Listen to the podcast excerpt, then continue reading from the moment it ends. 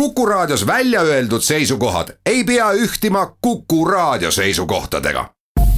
Te kuulate Kuku Raadiot.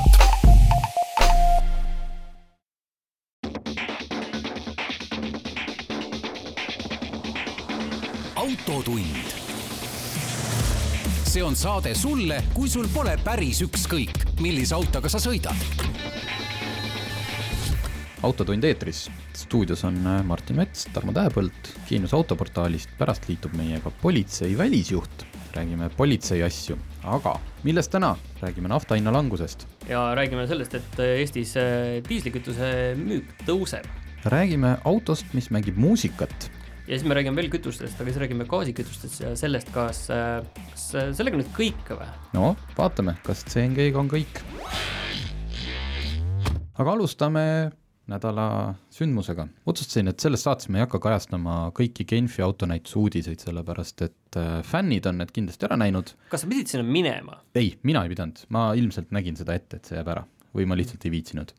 et äh, autofännid teavad neid uudiseid nagunii ja, ja teistele siin hakata ette lugema kõiki uudismudeleid, ilma et te näeksite pilte, ei ole aus lihtsalt minu jaoks äh, kõige, kui ma püüdsin välja tuua ühte autot, siis äh, noh, me räägime ikkagi siin niisugustest super äh, mingitest hüperautodest. see on nagu tavalisi autosid nagu väga ei tutvustata või? no neid, ei noh, selles mõttes ikka tutvustatakse, aga lihtsalt seekord ei hakanud ettevõtted tegema neid noh, suuri online esitlusi mingist tavasõidukist, vaid selle tähelepanu said kõik need erisõidukid.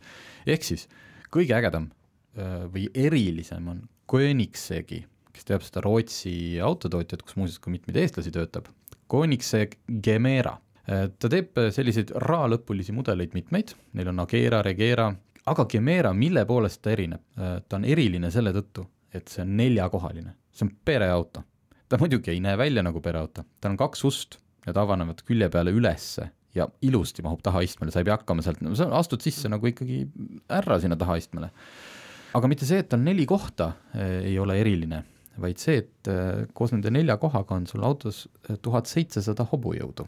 ja kuidas on seitse, tuhat seitsesada hobujõudu saavutatud, on äh, loomulikult on seal palju elektrimootoreid, aga see auto sisepõlemismootor on kolmesilindriline ja ta annab välja, kui ma nüüd õigesti mäletan, üle kuuesaja hobujõu. et ühesõnaga, siit edasi läheb maru tehniliseks, ilma nukkvõllita, hüdraulilised klapid vist olid, ühesõnaga Äh, rootslased, äh, geeniused on seal välja mõelnud siis sellise auto, millel on kolmesilindriline väike mootor, neli kohta, tuhat seitsesada hobujõudu. ja see juba eksisteerib, see ei ole paberile joonistatud auto. kui sa tahad veel nagu numbreid öelda, siis äh, palju neid tehakse, kas jälle niiviisi tellimuse peale, kokku tehakse nelikümmend tükki no umbes nii, jaa, jaa, jaa, ta massiautoks ei saa. neli miljonit et kui meil elus hästi läheb niiviisi keskmiselt, siis ikkagi ta on nagu käega katsutav kuskil, et ta ei ole nagu nii kaugel. no ta ikka selles mõttes, ta on nagu ikkagi jah, lotovõitu kaugusel ja võib-olla jääb natuke ülegi isegi sul raha, kui suure lotovõidu saad. ja noh, teine uudis minu jaoks oli muidugi selles mõttes Alfa Romeo, kes tegi veidikene sohki, ta pidi, lubas see aasta näidata igasuguseid autosid ja ta tegi oma olemasoleva Giulia veel ägedamaks ja kergemaks ja sellest sai Giulia GTA, aga sellest võib-olla kunagi teine kord mis sinu eelmise nädala, mis sulle kõrva silma jäi? Äh, minule jäi silma see, et äh, see Keskkonnainvesteeringute Keskuse tehtud äh, Eesti elektriautode ostutoetuse numbrid nüüd kõik avalikustati, et mis seal taga oli, palju autosid oli ja kõik see, aga mis mulle nagu silma jäi, oli see, et kokku sai, tuleb siis Eesti teedele juurde kakssada kolmkümmend kaks uut elektriautot ja viisteist neist lähevad eraisikutele. ahah ja nelikümmend äh, firmat, mitmed neist äh, võtsid äh, täislaksu. no ma tean, seal Tesla rent sai kümme, ilmselt siis noh, kümme Model kolme tuleb neil sinna rendiparki. ja, ja seal eriti huvitav oli see, et Elmo rent sisuliselt sai seitsmekümne viie auto jaoks läbi erinevate ettevõtete, kuigi üks firma no, no tegelikult erinevate läbi erinevate ettevõtete, see oli tegelikult mõeldud niiviisi, et maksimaalselt üks firma saab kuni viisteist autot, aga siis kuidagi jokk. see kõlab nagu jah niiviisi, et kas see on nii mõeldud, ma saan, just on see küsimus, et kokkuvõttes, kas Keskkonnainvesteeringute Keskusel on nagu vahet, kuhu need autod lähevad, sellepärast et kokkuvõttes me teeme selle ära, süsinikuneutraalsus, nii edasi, kliimaeesmärgid, väga tore, kokkuvõttes peaasi, et ta tuleb meie teedele, kas see on nagu eesmärk või natukene tasuks nagu sinna sisse vaadata ka, et kes ja kuidas need saavad noh, selles mõttes Elmo rendi iseenesest ju tegevusala on õige, nad rendivad elektriautosid, aga kui seal lugeda nende enda pressiteatest, siis seal osad lähevad äh, Pakri, see, kus see Pakri tööstuspark yeah., ma ei tea, kuidas selle nimi on, sinna kasutusse, osad lähevad mingi hooldusjuht, ma ei olegi vaadanud, mis ettevõte see on, et äh, jah, et tõe-, noh, loodetavasti ta viib siis teelt äh, ideaalis minema kaks, kolm, kaks sisepõlemismootoriga autot, ükskõik, kes nendega sõidab, aga kuna see voor minu arust oli selline, kas ta oli kiirete näppude voor mm. -hmm. et põhimõtteliselt, kes esimesena saab taotluse esitatud, et lihtsalt noh, äkki jäi väga, keegi väga tore inimene või, või ettevõte ilma, sellepärast et üks ettevõte tegi sellist jokki, et noh, ta ei rikkunud seadust, KIK, noh, selles mõttes tema tegi kõik õigesti, tema esitas viis taotlust ja KIK, kas KIK oleks pidanud vaatama, et minu meelest nagu oleneb, mis on selle eesmärk, nagu eesmärk on lihtsalt see, et kliimaneutraalsus vähemalt keegi need ära ostaks, samamoodi võiks küsida lihtsalt see, seda minu meelest, et kas sellised ettevõtted nagu Eesti Energia või Elektrilevi ja, ja Telia, et kas neil on seda ostutoetust vaja viis tuhat auto kohta, et kas tegelikult ka on vaja, et ma saan aru ka, et ühes mõttes ei olnud nagu eesmärk neid ostutoetusi viia on ju eraisikuteni, aga teistpidi viisteist eraisikut, see näitab seda, et eraisikutel tegelikult ei olnud ka huvi kui nad ei jäänud seal nobedate näppude voorus kõik viimaseks ja keeruline bürokraatia, sest seal tuli korralikult pabereid esitada kogu selle värgi jaoks, aga ikkagi minul tekib küsimus, et et ikkagi koos selle ostutoetusega ikkagi eraisikutel ei olnud huvi nende elektriautode vastu. see minu meelest näitab nii mõndagi tegelikult. ja kui nüüd äh, täna hommikusi esmaspäevaseid äh, uudiseid vaadata, siis võib-olla see elektriautode huvi langeb veelgi, sellepärast et äh, nafta hind kukkus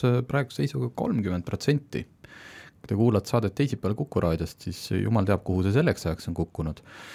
kohe tekkis äh, meil muidugi huvi, et millal see jõuab siis tanklatesse? tegelikult eh, natukene on juba jõudnud, sellepärast et kütusehinnad on nüüd stabiilselt vist eh, kõigis tanklates üheksakümmend viis ja diisel on alla ühe koma kolme juba. ja see nädalavahetusel oli jah, keegi Circle K vist tegi esimesena kampaania ukse lahti ja kõik teised murdsid oli... sealt siis korraga sisse. aga sina vist nägid isegi numbrit üks, kaks, viis, üheksa kuskil? seitse, üheksa. üks, kaks, seitse? seitse, üheksa. Diis, diisel oli jah, viis, üheksa Äh, küsisime siis äh, kohe järgi ka, et millal seda nafta hinna järsku langust võiks äh, tanklates näha. Ja vastus on traditsiooniline, et küllap kunagi ikka.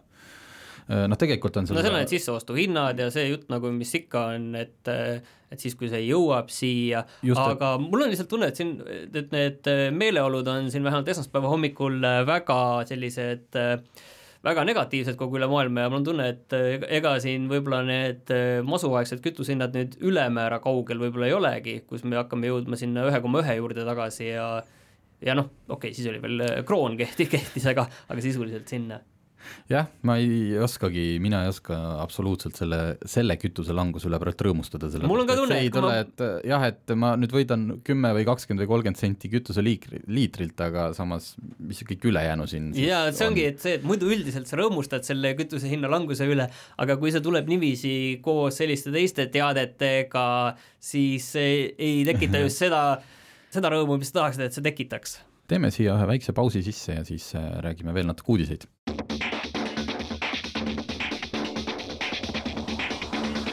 Autotund. see on saade sulle, kui sul pole päris ükskõik, millise autoga sa sõidad. Autotund tagasi, me rääkisime siin noh elektriautodest, nafta hinnast, siis äh, vaatasime eelmise aasta kütuse jaemüügi numbreid. Ja sealt tuli huvitav asi välja, et äh, hoolimata sellest, et äh, diiselautode müük langeb, noh, ärme ütle, et elektriautod tulevad, neid veel ei ole tulnud, aga üldiselt kõiki ostavad bensiiniautosid, siis äh, tegelikult jaemüük diislikütuste puhul tõuseb.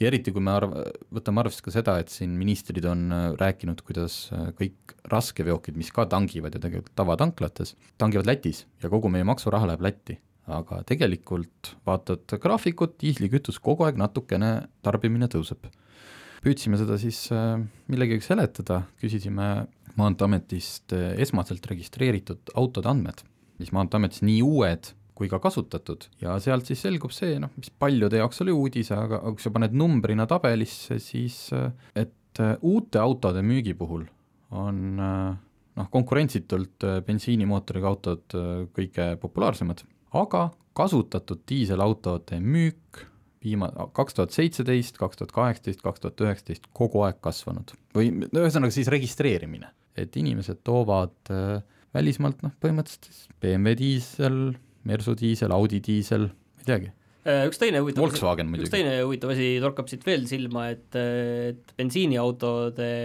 siis äh, müük või esmaregistreerimine langeb, aga selle võrra siis tõuseb hübriidide oma, mis on suhteliselt sama palju langenud bensiin, kui hübriid on tõusnud. jah, et äh, ka bensiini tarbimine, kuidas bensiini tarbimine on tegelikult langemas ja langemas on ta siis just ilmselt, äh, me järeldasime ise selle järgi, et äh, esiteks hübriidid ja teiseks, et kuna bensiiniautode osakaal, uute autode osakaal on nii suur, siis isegi kui ta on linnamaastur, siis ta võtab ikkagi keskmiselt vähem kütust kui ütleme siis kümme aastat vana auto või kakskümmend aastat vana auto.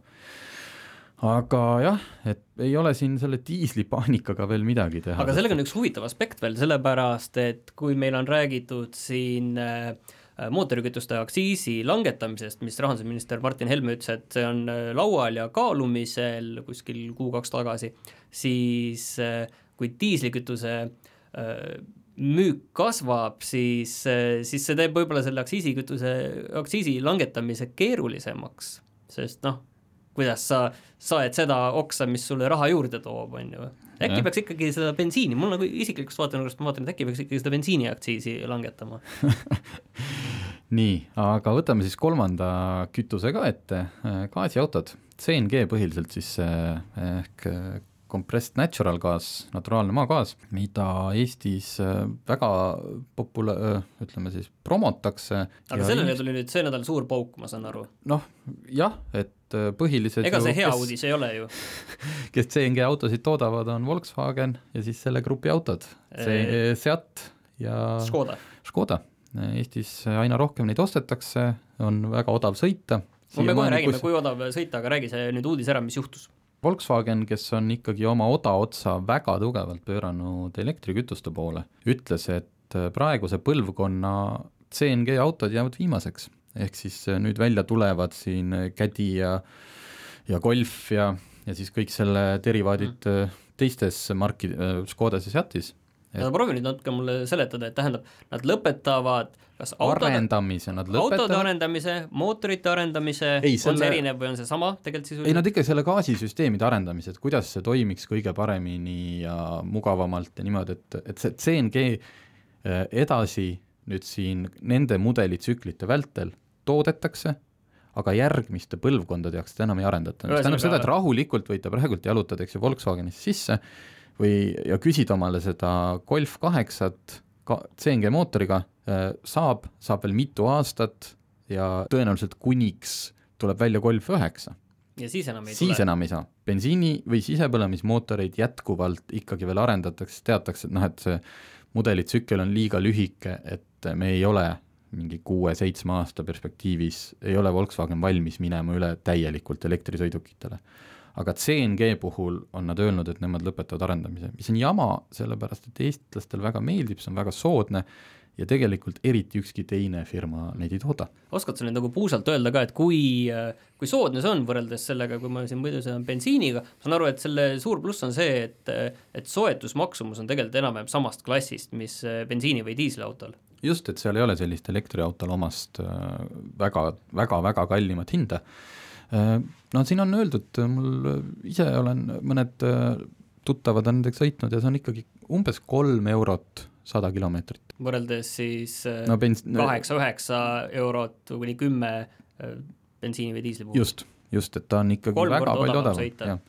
ja ausalt öeldes, kui sa nüüd noh, kellel, kuidas, milline elektripakett, aga kui sa tangid seda nendes, ühesõnaga elektriautot laed, nendes juba siis tasulistes avalikes laadijates, siis no siin on arvutus, ta ei ole väga palju odavam kui gaasiga sõit, see sada kilomeetrit, et ka selline, nii et noh, kokkuvõttes ma saan aru ikkagi nagu halb uudis, aga Halb selge on teistpidi see, et kõik need erinevad kütused nendes kõigis eh, jaamades, et see ei saa nagu lõputult toimida, et kui meil on seal kõrvuti müüakse bensiini, diislit, elektrit, gaasi, kahte erinevat tüüpi gaasi, kui LPG ka veel on ju, et see lihtsalt ei ole kokkuvõttes nagu mõistlik, kui nii palju erinevaid kütuseid on. jah, CNG puhul oli ka see hea, et ta on nagu, ta on ka loodus, loodussäästlikum kui LPG, sest on, seda saab toota lisaks ka veel nii-öelda taastuvatest ainetest, aga no näis.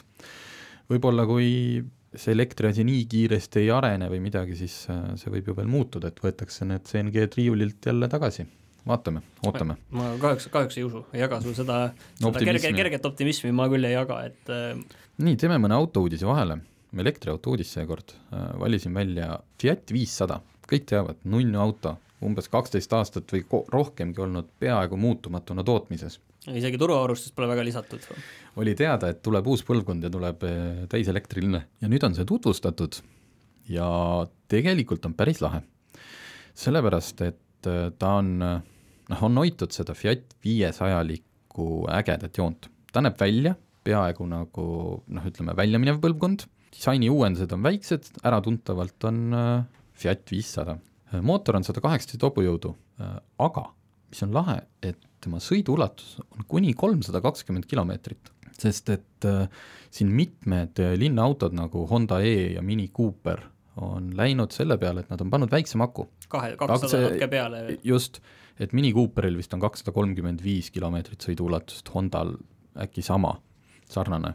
et see kolmsada kakskümmend annab äh, selle range anxiety'ga inimestele suure ostuargumendi. aga mul on tegelikult üks küsimus, et see huvitaks juhitavus ja see ka nüüd muutub, sellepärast et ma kujutan ette, et see auto muutus oluliselt raskemaks. jaa, aga see raskus asub ikkagi seal põhjas. no ikka, see on elektriauto traagika, et äh, seda kergemana ei ole hetkel võimalik teha kaheksakümmend protsenti akut saab täis kolmekümne viie minutiga, mis on oluline, on see, et kiirendus, kuna ta ei ole kindlasti mitte mingi kiirteeauto, siis on välja toodud kiirendus viiekümne kilomeetrini tunnis, mis on kolm koma üks sekundit. see on täpselt see, et saad foori alt kolme, saad oma selle niimoodi põmaka kätte. ei ette. ei ette kellelegi. aga mis on selle auto puhul kõige lahedam? Et esiteks esimesena tuleb ta välja selline kabriolettversioon, kes teab siis niisugune riie, mis on äh, katuse peal, saab eemale lükata. aga nüüd on üks kummaline asi, kui Fiat meile just nalja ei tee, siis äh, kuna elektriautod peavad tegema mingit häält, et inimesed neid kuuleks, siis eriti alla kakskümmend kilti tunnis sõites, siis Fiat viissada on valinud selleks hääleks muusika ja selleks on valitud muusika mida esitab Nina Rota filmist Amakord. ühesõnaga, see on niisugune tüüpiline Itaalia lugu, ma ei tea, kas mul õnnestub seda praegult siin mängida. ma lihtsalt ütlen seda, et äh, kas ei tekita mitte rohkem segadust, kui Just. sa paneksid lihtsa mootori hääle sinna kerge surina või et inimene kuuleb ja saab aru, aga kuskilt mingi äh, Itaalia ballaad hakkab käima, siis enamik inimesi jääb täiesti ükskõikseks selle suhtes. täpselt tekkiski niisugune, või kui neid tuleb mitu, proovime kuulata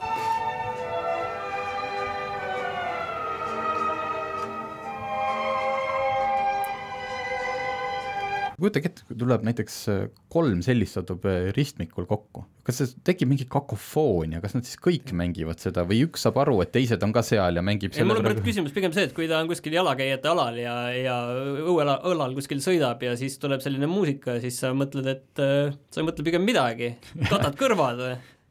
või okei okay,, see selleks, aga tegelikult ma ütlen lihtsalt, et äh, võib-olla kõrvu ei kata, aga see lihtsalt tekitab segadust. äkki sa saad valida ikka tavalise mootorilliga. just, et eelmine nädal seal Genfi autonäitus tühjades ruumides kuulutati välja ka Euroopa aasta auto. Ja top kolmes on põhimõtteliselt kolm elektriautot. esikoht Peugeot kakssada kaheksa, mida saab nii diisli kui bensiini kui ka täiselektrilisena, teine koht Tesla Model kolm ja kolmas koht samuti elektriauto, milleks oli Porsche Taycan.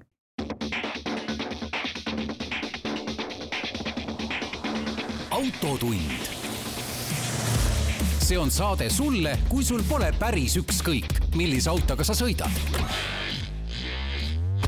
autotund on tagasi, stuudiosse on tulnud veel üks inimene, Toomas Korjanev, äh, liikluspolitsei välijuht.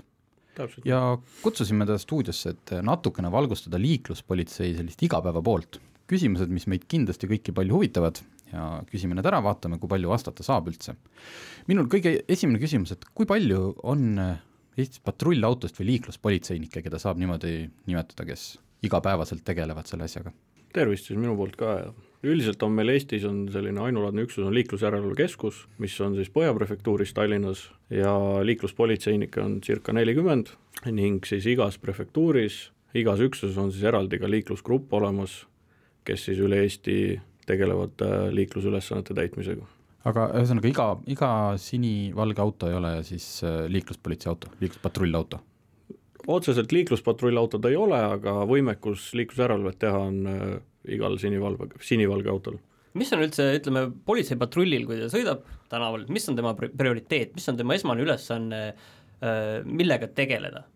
mida jälgida, kui ta kuskil liigub, kui ei ole antud konkreetset ülesannet, et nüüd on kiirusmõõtmine või siin on puhumisreid?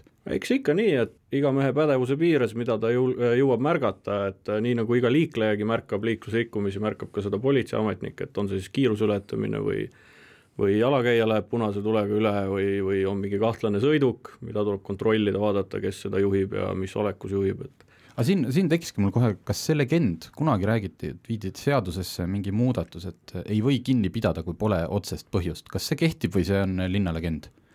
see kunagi oli selliselt, aga nüüd on meil korrakaitseseaduses on konkreetselt öeldud, et et oht tuleb kõrvaldada ja ohukahtluse korral tuleb kontrollida ja politseiametnikul on see õigus, et ohukahtlus on alati selline väga suhteline, on ju, et jaa, joobekahtlus on alati selline inimene, inimene teeb imeliku manöövri, miks mitte teda kontrollida siis, et kuidas muud moodi ta kätte saada. räägime korra sellest tehnikast, mis on politseiautodes, et äh, seal on, on ju teil äh, võimalus äh, siis automaatne kiirusemõõtja, mis mõõdab seal ja siis numbrimärgi tuvastus, ma saan aru, aga kas see on kõigil autodel või on see numbrimärgi tuvastust kui sellist äh, ei kasutata.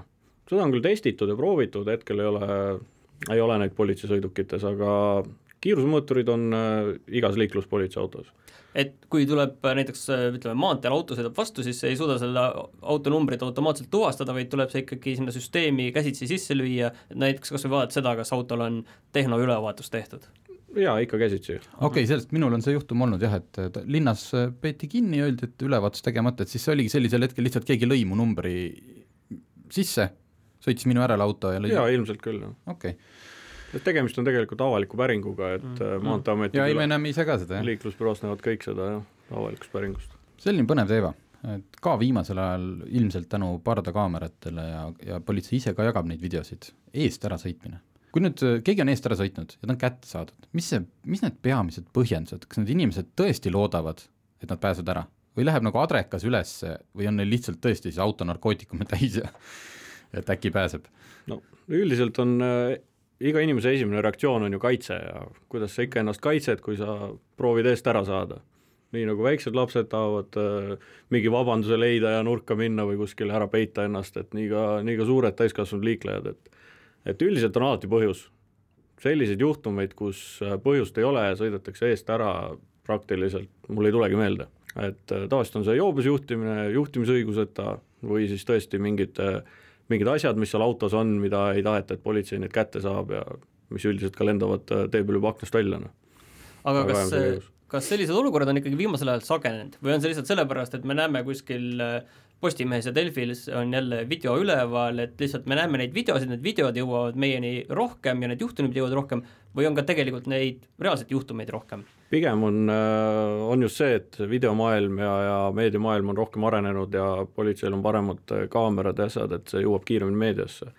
et ma ei ütleks, et see sagenenud on, pigem, pigem on neid asju vähem, et et politseil on võimekus parem neid tabada ja igaüks ei hakka üldse proovimagi. Et saadakse nii ruttu kätte ja ei tule sealt seda ägedat videot, mida näidatagi, et et siis inimene ise pigem mitte, kättesaamine tähendab seda, et ta loobub ise, mitte et ta ei suruta kuidagi nurka või et no juhtumeid on erinevaid, et äh, loobub tema või loobub tema auto, et äh, või saab ah. tee otsa, et äh, neid variante on mitmeid. on ka selliseid, kes korra proovivad, mõni minut-kaks võib-olla seal, mõni kilomeeter ja siis saavad aru, et, et lootusetu seis kolm asja ma ise tooks välja, mis on ilmselt kõige levinumad liikluses, on rikkumist, on kiiruse ületamine, kõrvalised tegevused, ehk siis mobiili kasutamine ja joobes juhtimine, noh nagu millest pidevalt räägitakse. kuidas tuvastatakse seda, et keegi kasutas mobiili, selles mõttes just, et äh, patrullauto pidas mind nüüd kinni, ütles, et te kasutasite roolis mobiili, mis see tõend on, kas minust tehakse pilt eemalt või kuidas see käib? variante on mitmeid. Et äh, esimene, kes tuvastab, on ikkagi see ametnik oma silmadega ja võib-olla baarimees nägi ka ja ja, ja siis juba peatatakse, vesteldakse juhiga, et meil on pardakaamera salvestused, mis tihti salvestavad seda, et äh, võimalik, et eemal mõni politseiametnik teeb pilti ja siis peatatakse, et äh, et tõendeid on võimalik koguda mitmeid moodi. et eriti mul seal nagu vaielda siis midagi ei ole, et mul tegelikult ei olnud telefoni ja või siis, siis mul ongi edasi juba siis esitan nagu trahvi selle kaebuse või? või et mul oli midagi muud käes, mingi šoka, šokolaadi see mingi batoon. kas tegelikult söök ka ei tohi käes olla? Kõik tegevused, mis tegelikult häirivad, et siin on läbi aegade on tuvastatud ju ka habemajamist ja meikimist ja söömist ja kui ikka kahe käega on burger käes, siis millega sa rooli hoiad, et et äh, kes on lugenud mingisuguseid äh, tähtsaid dokumente ja ajalehti sõidu ajal, et mida iganes, see kõik ju häirib tegelikult.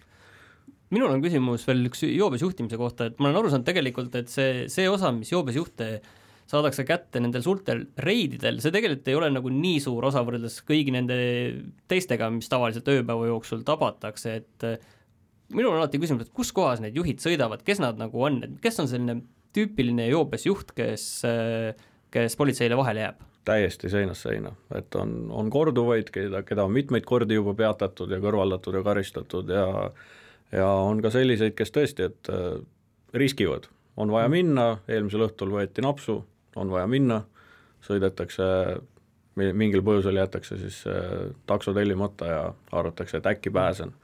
ja täiesti teadlikult juhiga vesteldes, et jah, tundsin hommikul ja on ka selliseid juhtumeid, või siis juba need, kellel on selline haigus küljes, et alkoholism, et äh, Nad kogu aeg sõidavad. aga on see kuidagi, saab siin kuidagi välja tuua, on see rohkem nagu maapiirkondade probleem, et küla vahel sõidetakse, et niikuinii pol-, seal patrulli pole, või on see linna vahel, kus lihtsalt liiklust on rohkem?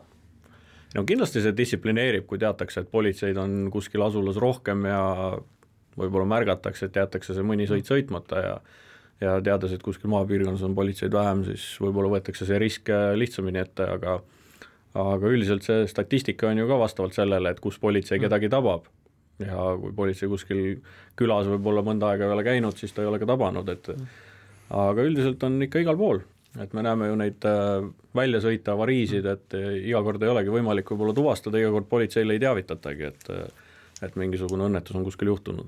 saadakse auto omal juhul kraavist välja ja viiakse garaaži remonti teeme enne järgmiseid teemasid siia ühe väikse pausi ja siis oleme Autotunniga tagasi.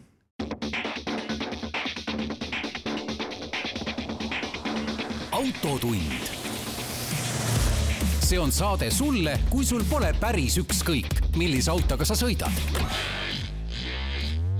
nii, Autotund on tagasi, meil on stuudios liikluspolitsei välijuht, äh, kellele saab esitada põnevaid küsimusi järgmine selline üldhuvitav küsimus mul endal oli, kui kaugelt võtab politseiradar? politseiradar, mis on minu võib-olla rekord on olnud kuskil kahe poole kilomeetri kauguselt. et äh, sul ei ole isegi autot veel silmapiiril. et ühesõnaga, kui sa juba politseiautot näed ja siis sa mõtled, et oi, ma nüüd pidurdan, siis ilmselt on hilja?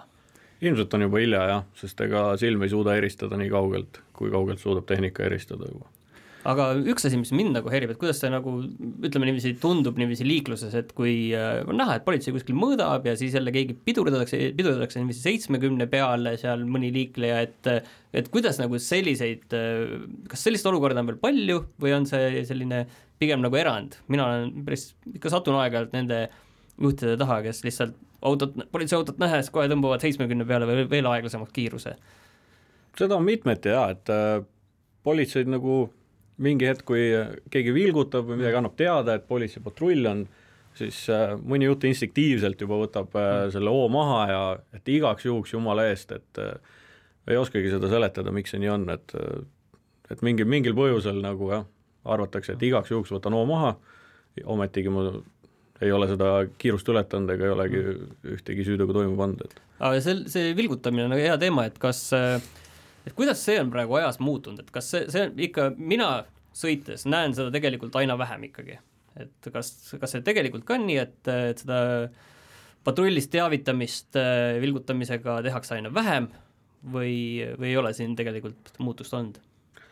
eks ta vähem ole võib-olla jah, aga võtame sinna võib-olla selle Waze'i veel juurde, kus märgitakse ja igasugused äh, sotsiaalmeediakanalid, kus märgitakse samamoodi ära ja ja aga samas on inimeste teadlikkus ka tõusnud võib-olla, et äh, milleks vilgutada, võib-olla seesama juht on joobes ja, ja võib-olla sõidab mulle endalegi otsa, et kui ma vilgutan või, või kellelegi minu tuttavatest, et kui palju tänapäeval, ma ei tea, kas seda saab öelda või on mingit statistikat kogutud, äh, üritatakse ennast siis äh, ütleme, otsemaksega ikkagi välja osta, ehk siis ütleme, otse altkäemaksu pakkuda või kuidagi nihverdama hakata?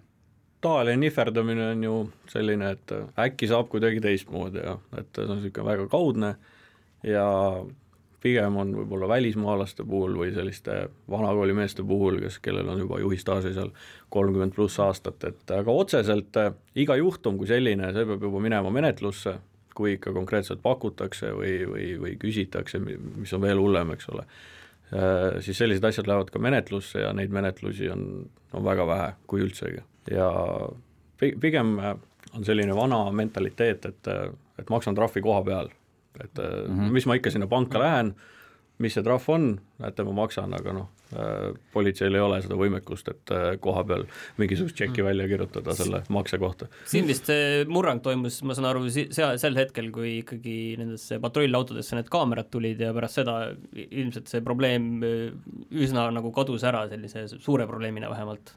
kindlasti jah, et äh, pigem on küsimus selles, et jah, et kas inimene saab aru ka, et ta selle keelatud teo toime paneb, kui ta sellise mõttega üldse tuleb, et äh, aga kas äh, puudutad autos maksmist, sa nüüd ei puuduta altkäemaksu maksmist, aga miks ma ei saa trahvikaardiga maksta, äh. kui on see lühimenetlus, kui on see kakskümmend eurot, mina olen nõus, kirjutan alla, kõik, kõik osapooled on nõus, maksaks kohe ära ka. on, on seda arutatud? kunagi prooviti isegi sellist varianti, aga siis on jällegi makseterminalid, igasugused pangakulud ja kõik asjad ja praegu on juba telefoniga võimalik maksta, et nii mõnigi mees on, kes saab trahvi, logib kohe sisse internetipanka, maksab ära, näitab juba makse, et mul on makstud, noh mm -hmm.. et võib-olla seda ei olegi vaja, sellist asja enam kui kaardimaksust. see vist natukene ikkagi hoiab ka aega kokku ilmselt. jah, kasvatuslik, et said, said trahvi, nüüd mine maksa ära ka, et ja kui meeles ei ole, siis ainuke mõttekoht on võib-olla välismaalased, kus mm. tasuks selliseid sanktsioone rakendada, et sellepärast, et sealt on, neilt on niikuinii neid trahve raskem kätte saada. raskem on kätte saada, aga eks, eks on äh, edu ka juba saavutatud sellega, et siin riigid suhtlevad omavahel ja saadavad neid trahve eri riikide vahel äh, mainisime ennem neid kolme, noh, mobiilkiirus ja joobes juhtimine, aga mis on, mis on nagu siis veel, mis just liikluspolitsei poolt silma jääb, mis äh, võib-olla tavaliiklejal iga päev, rääkisime ennem suurtest veoautodest, et näiteks kaalupiirangud, et noh, mina näen, mind lihtsalt jube tüütu on, suur veok on ees aga ma saan aru, et seal on seotud isegi rohkem probleeme võib-olla.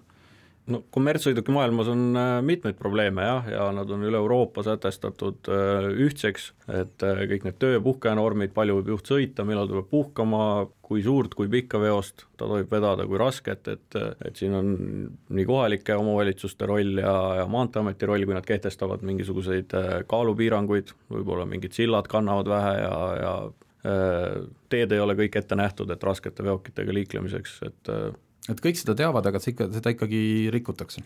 no märk on ees, siis märgi pealt on lihtne lugeda, kui kaheksa tonni, siis on kaheksa tonni ja siis ei roni sinna neljateist tonniga või, või kolmekümne nelja või, või suuremaga peale, et äh, Suurte veokite puhul, mis siin tavaliiklejat puudutab, on tihti jälle need, jõuame tagasi, need pardakaamera salvestised, kus siis üks äh, rekka, mis sõidab kaheksakümne kaheksaga ja siis temalt hakkab mööda minema teine, mis sõidab kaheksakümne üheksaga, mis võtab siis põhimõtteliselt terve igaviku. et kas see on otseselt, kas see on rikkumine, kui politsei sellist asja näeks, kas see läheb rikkumise alla, et kuidas seda saaks vältida või, või ei saagi? seda on väga raske vältida, noh kui juht piirkiirust miks nad teevad seda, mis nad pärast ütlevad, miks nad seda tegid? ja see on seaduslik selles mõttes. ei, see on seaduslik jah, aga ja, kui tee tühi, siis kui ta ei selle... tohi takistada, samas ta sõidab piirkiirusega, ta sõidab täpselt üheksakümmend. põhjuseid on mitmeid jah, et tema tahab ikkagi ees sõita, ta ei taha kellegi tuules sõita ja, ja võib-olla temal läheb see, tal on kiiruspiirid kaks kilomeetrit äh, kõrgemale seatud, siis ta tahab nagu põhjagaasiga sõita, et siis on mugavam ja kindlasti ka see, et kuskile laadimisse, kui sõidetakse laadimiskohta ja tahetakse enne jõuda. jaa, siin on see asi, et on ju, et sa sõidad seal kaks kilomeetrit kiiremini, on ju, kaks kilomeetrit tunnis kiiremini sõidad, aga pärast seal laadimises sa võid võita pool tundi, et, et see on ilmselt see loogika, ma saan aru. täpselt nii, et kui on võib-olla äh, ühed ja samad sõidukid, mis sõidavad ühte laadimiskohta, siis nad tahavadki ette jõuda, et muidu peab ootama seal ja lõpetuseks ma tahtsin küsida seda, et et on meil siis see liiklus äh, nii hull, kas ta läheb paremaks, on mingid asjad läinud halvemaks, et mis see, kui me võtame nüüd nagu täiesti sellise üldise pildi, igapäevase pildi, et kas on tunne, et kuidas iga päevaga see, see asi lähe-, liigub, kuhu poole? mina olen kümme aastat töötanud liikluspolitseis ja selle aja peale ikka võiks öelda, et on kõvasti paremaks asi läinud, et teadlikkus on suurenenud, autod on paremaks läinud, eks ole, et äh, kõik sellised asjad ja, ja võib-olla kogu see meediakajastus ja see, kui me anname teada, mis tegelikult toimub ja mis need tagajärjed on, et see ikkagi paneb inimest mõtlema, et et tasub see turvavöö kinnitada ja mitte rääkida selle telefoniga ja, ja, nii edasi, et. Liikluspolitsei, ma mõtlen äh,, patrullautos on kaks inimest, mõle-, kas, ma nüüd lähen äh, sõiduoskuse juurde, et kas äh,, milliseid eri, erilisi koolitusi läbib üks patrullautojuht? Äh,? patrullautojuht lisaks siis sellele alarmsõiduki koolitusele, mis läbitakse nii-öelda teenistusse astumisel. Äh,, läbime iga mõne aja tagant seal, aasta-kahe tagant äh, täiendkoolitusi, samamoodi alarmsõidualaseid, et, äh, et äh, ma lihtsalt mõtlen, et kui mingi hetk on see patrullauto juht sunnitud hakkama sõitma ju ma ei tea, kohati vaatame kaamerat sada viiskümmend, kakssada kilomeetrit tunnis, et kui palju neil, kust sellist kogemust või nagu noh, sa ei saagi vist? ega sa ei saagi, sa saadki ainult praktikaga seda kogemust ja eks mida võib-olla kauem sa töötad ja vanemaks saad, seda rohkem sa hakkad mõtlema selle peale, et et noored on alati hulljulgemad ja nii nagu liikluses, nii ka politseis. liikluspolitsei ringrajapäevi korraldan oma nagu õppe mõttes just, et äh, liikluspolitsei näiteks, meil on üks äge üritus, mis me korraldame, on täpsussõit, niisugune rahvaralli reeglite kohaselt ja, ja seal küll kiirust ei ületata, ütleme, läbitakse erinevaid, äh, erinevaid missioone, erinevaid ülesandeid ja siis äh, mõnes kohas võib, võivadki olla mingid ringrajasõidud, täpsussõidud, kiirussõidud, et äh, noh, kinnistel territooriumitel. et selline üritus on meil kord aastas. nii, minul vist on praegult küsimused otsa saanud ja ühtlasi on otsa saanud ka saateaeg. aitäh, et tulid, natukene oleme targemad ja, ja kui meil tekib küsimusi, siis me kutsume jälle. aitäh teile!